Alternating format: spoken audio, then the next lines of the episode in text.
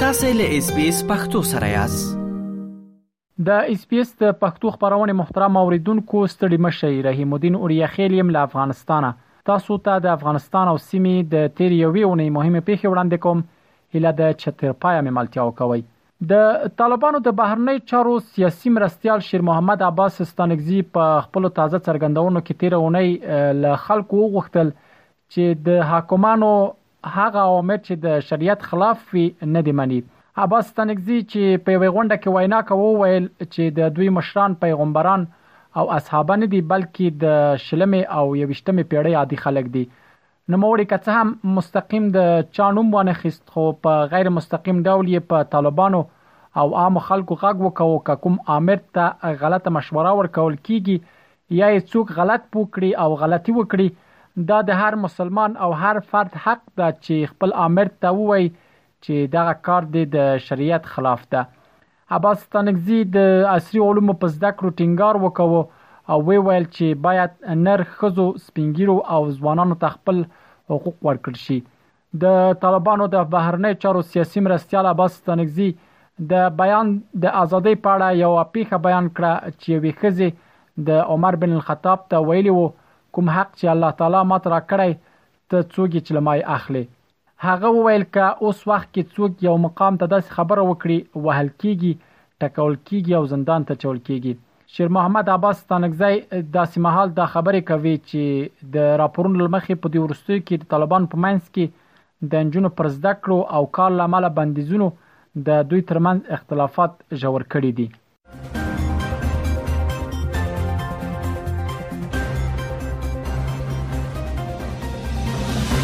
د اسلامي همکاریو سازمان تیر اونۍ په افغانستان کې د طالبان لوري ورستي محدودیتونو په اړه غونډه وکړه دا غونډه د سعودي ترکیه او کامبیا هیواد په غوښتنه رابل شوې و خو د طالبانو کوم استاز ته پکې د ګډون بلنه نه ورکړ شوې په دې غونډه کې چې په دې سازمان کې د اسلامي هیوادونو سفیرانو برخه اخیستې و د طالبانو د سرپرست حکومت په هغو تګلارو بحث پکې وشو چې لمخې په افغانستان کې خزې له کار او زده کړو منع کړې دي د اسلامي همکاریو سازمان شپږ 50 غړیو په دې غونډه کې له طالبانو وغوښتل چې خزې او انجونې باید په افغانستان کې کار او زده کړو ته لاسرسي ولري د دغه سازمان په اعلامیه کې راغلي ول تعلیم ته د نجونو لاسرسی د پهنتون په ګډون چې په هر کچه وي د بشر اساسي حق دی او نه باید محدود شي په اعلامیه کې همدارز راغلي ول د اسلامي همکاریو سازمان د افغانستان له ملي حاکمیت ځمکنۍ بشپړتیا خپلواکۍ او له ملي یووالي ملاتړ کوي او په دغه هیواد کې د پراختیا ثبات امنیت سولې او بشري حقوقو د تامین غوښتونکي دی طالبانو بیا د یو اعلامیې له لارې د ښځو او نجونو د تعلیم په اړه د اسلامي همکاریو سازمان اندېښنه پر ځای وباله او وی ویل چې د زمینې په برابرولو سره به دا اندېښنې رفع شي. د افغانستان په اړه د اسلامي همکاریو سازمان غونډه داسې مهال جوړېږي چې طالبانو په تېره ډسمبر میاشت کې په دوو بېلابېلو فرمانونو کې د نجونو پر زده کړو او غیر دولتي موسسو کې په کار کلک بندیز ولګاوه د طالبانو دا پریکړه په کوردرن او بهر په پراخه کچه غندل شوې او دغه راز په خبرګون کې یو شمیر مرستندوی موسسو د افغانستان دننه خپل فعالیتونه ځنډولي دي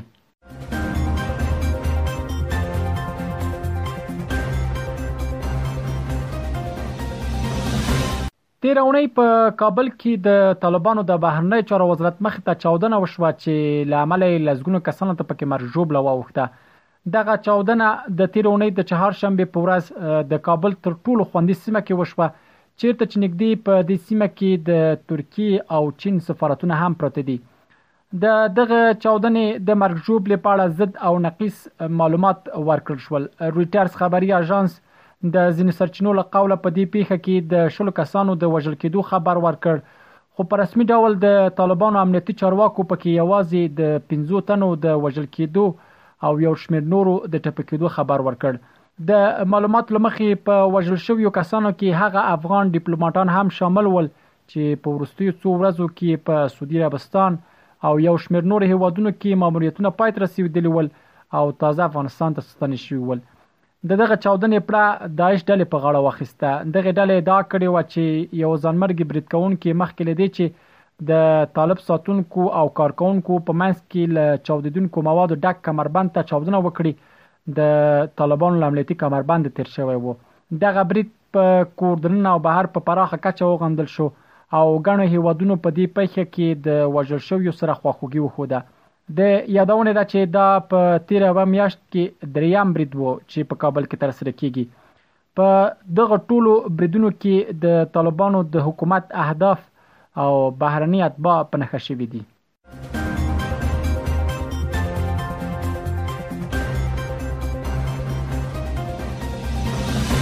د افغانستان د کرکټ مشهور لوبغاړو تیرونی د استرالیا د کرکټ بورډ هغه پریکړه ته خبرګون وخوت چې لامل افغانستان سره د 50 اوریزو سریز لغوه کړ د افغانستان د شلوریزو لوبو کپټان راشد خان د استرالیا د پریکړه ته خبرګون کې په خپل ټویټر پاڼه لیکلی ول که د استرالیا کرکټ بورډ نه غواړي افغانستان سره لوبي وکړي دای به هم د استرالیا په مشهور لیګ بګ باش کې د خپل راتلونکو لوبو په اړه له سره غور وکړي بل افغان لوبغاړي او پخوانی لوبډلمشر محمد نبی هم د استرالیا له حکومته غوښتي ول چې سیاست او لوبي سره باید جلا شي یو شمیر نورو افغان لوبغاړو هم د استرالیا د کرکټ بورډ دې پریکړې ته غبرګون ښکاره کړ او له استرالیا یې وغوښتل چې خپله پرېکړه بېرته واخلي. د افغانستان کرکټ بورډ هم د اسټرالیا دا پرېکړه غیر عادلانه وبلله او ویې ویل، چې دا موضوع به د کرکټ له نړیوالې شورا سره شریکه کړي. د یادونې ده، چې د اسټرالیا کرکټ ادارې ویلي، چې د ښځو او نجونو پر زده کړو او د کار د بندیز په غبرګون کې له افغانستان سره ټاکل شوې د کرکټ یوه ورځنۍ لوبې نه کوي. ټاکل شوې وه د افغانستان او اسټرالیا ترمنځ د پنځوس اوریزو دغه سریز په مارچ میاشت کې په متحده عربي اماراتو کې تر سره شوی وو.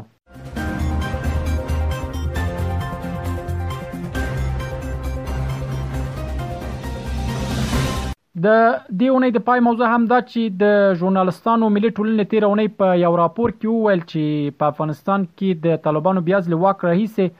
378 رسنۍ تړل شوې دي دغه ټولنې د چهار شنبه په ورځ په خپل دې راپور کې وویل چې د طالبانو د بیا ځل واکمنۍ مخکې په افغانستان کې 1509 غږیزې تصویري او چاپی رسنۍ فعالوي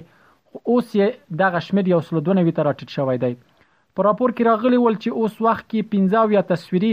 یو سلو دوه غږیزې، نهه خبري اژانسونه او شپږ چاپي رسنۍ فعالیت لري. راپور کې دا هم راغلي ول چې په دغه موده کې د رسنیو د برخې اویا سلنه نارینه او دېرش سلنه ښځینه کارکوونکو خپلې دندې هم له لاسه ورکړي. دغې ټولنې په خپل راپور کې مالي بحران، اطلاعاتو ته نه لاسرسی او د اطلاعاتو سانسورول د دغه رسنیو د بندېدو عمده لاملونه ښودلي ول په ورته وخت کې د بشري حقونو څار سازمان هم په خپل کلني راپور کې چې د پنجشنبې په ورځ خپور کړی و وویل چې په افغانستان کې د طالبانو بیا ځل واکمنۍ له پیل راهیسې سلګونه رسنۍ تړل شوي او د دوی د اټکل له مخې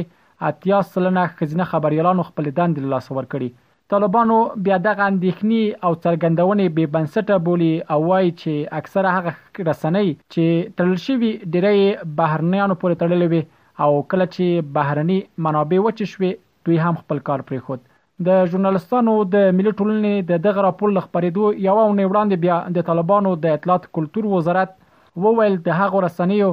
چې له افغانستانه بهر د نظام پر ضد فعالیت کوي دوسیه یې محکمې ته لېږلې تر څو یې په اړه پرېکړه وکړي. دا ول د افغانستان او سیمې د تېرې یوې اونۍ مهمې پېښې چې ما تاسو ته وړاندې کړې. تر بیا ښې چارې. اس پی اس پختو په فیسبوک کې تا کې پلی مطلب خوښ کړئ نظر ور کړئ او له نورو سره شریک کړئ.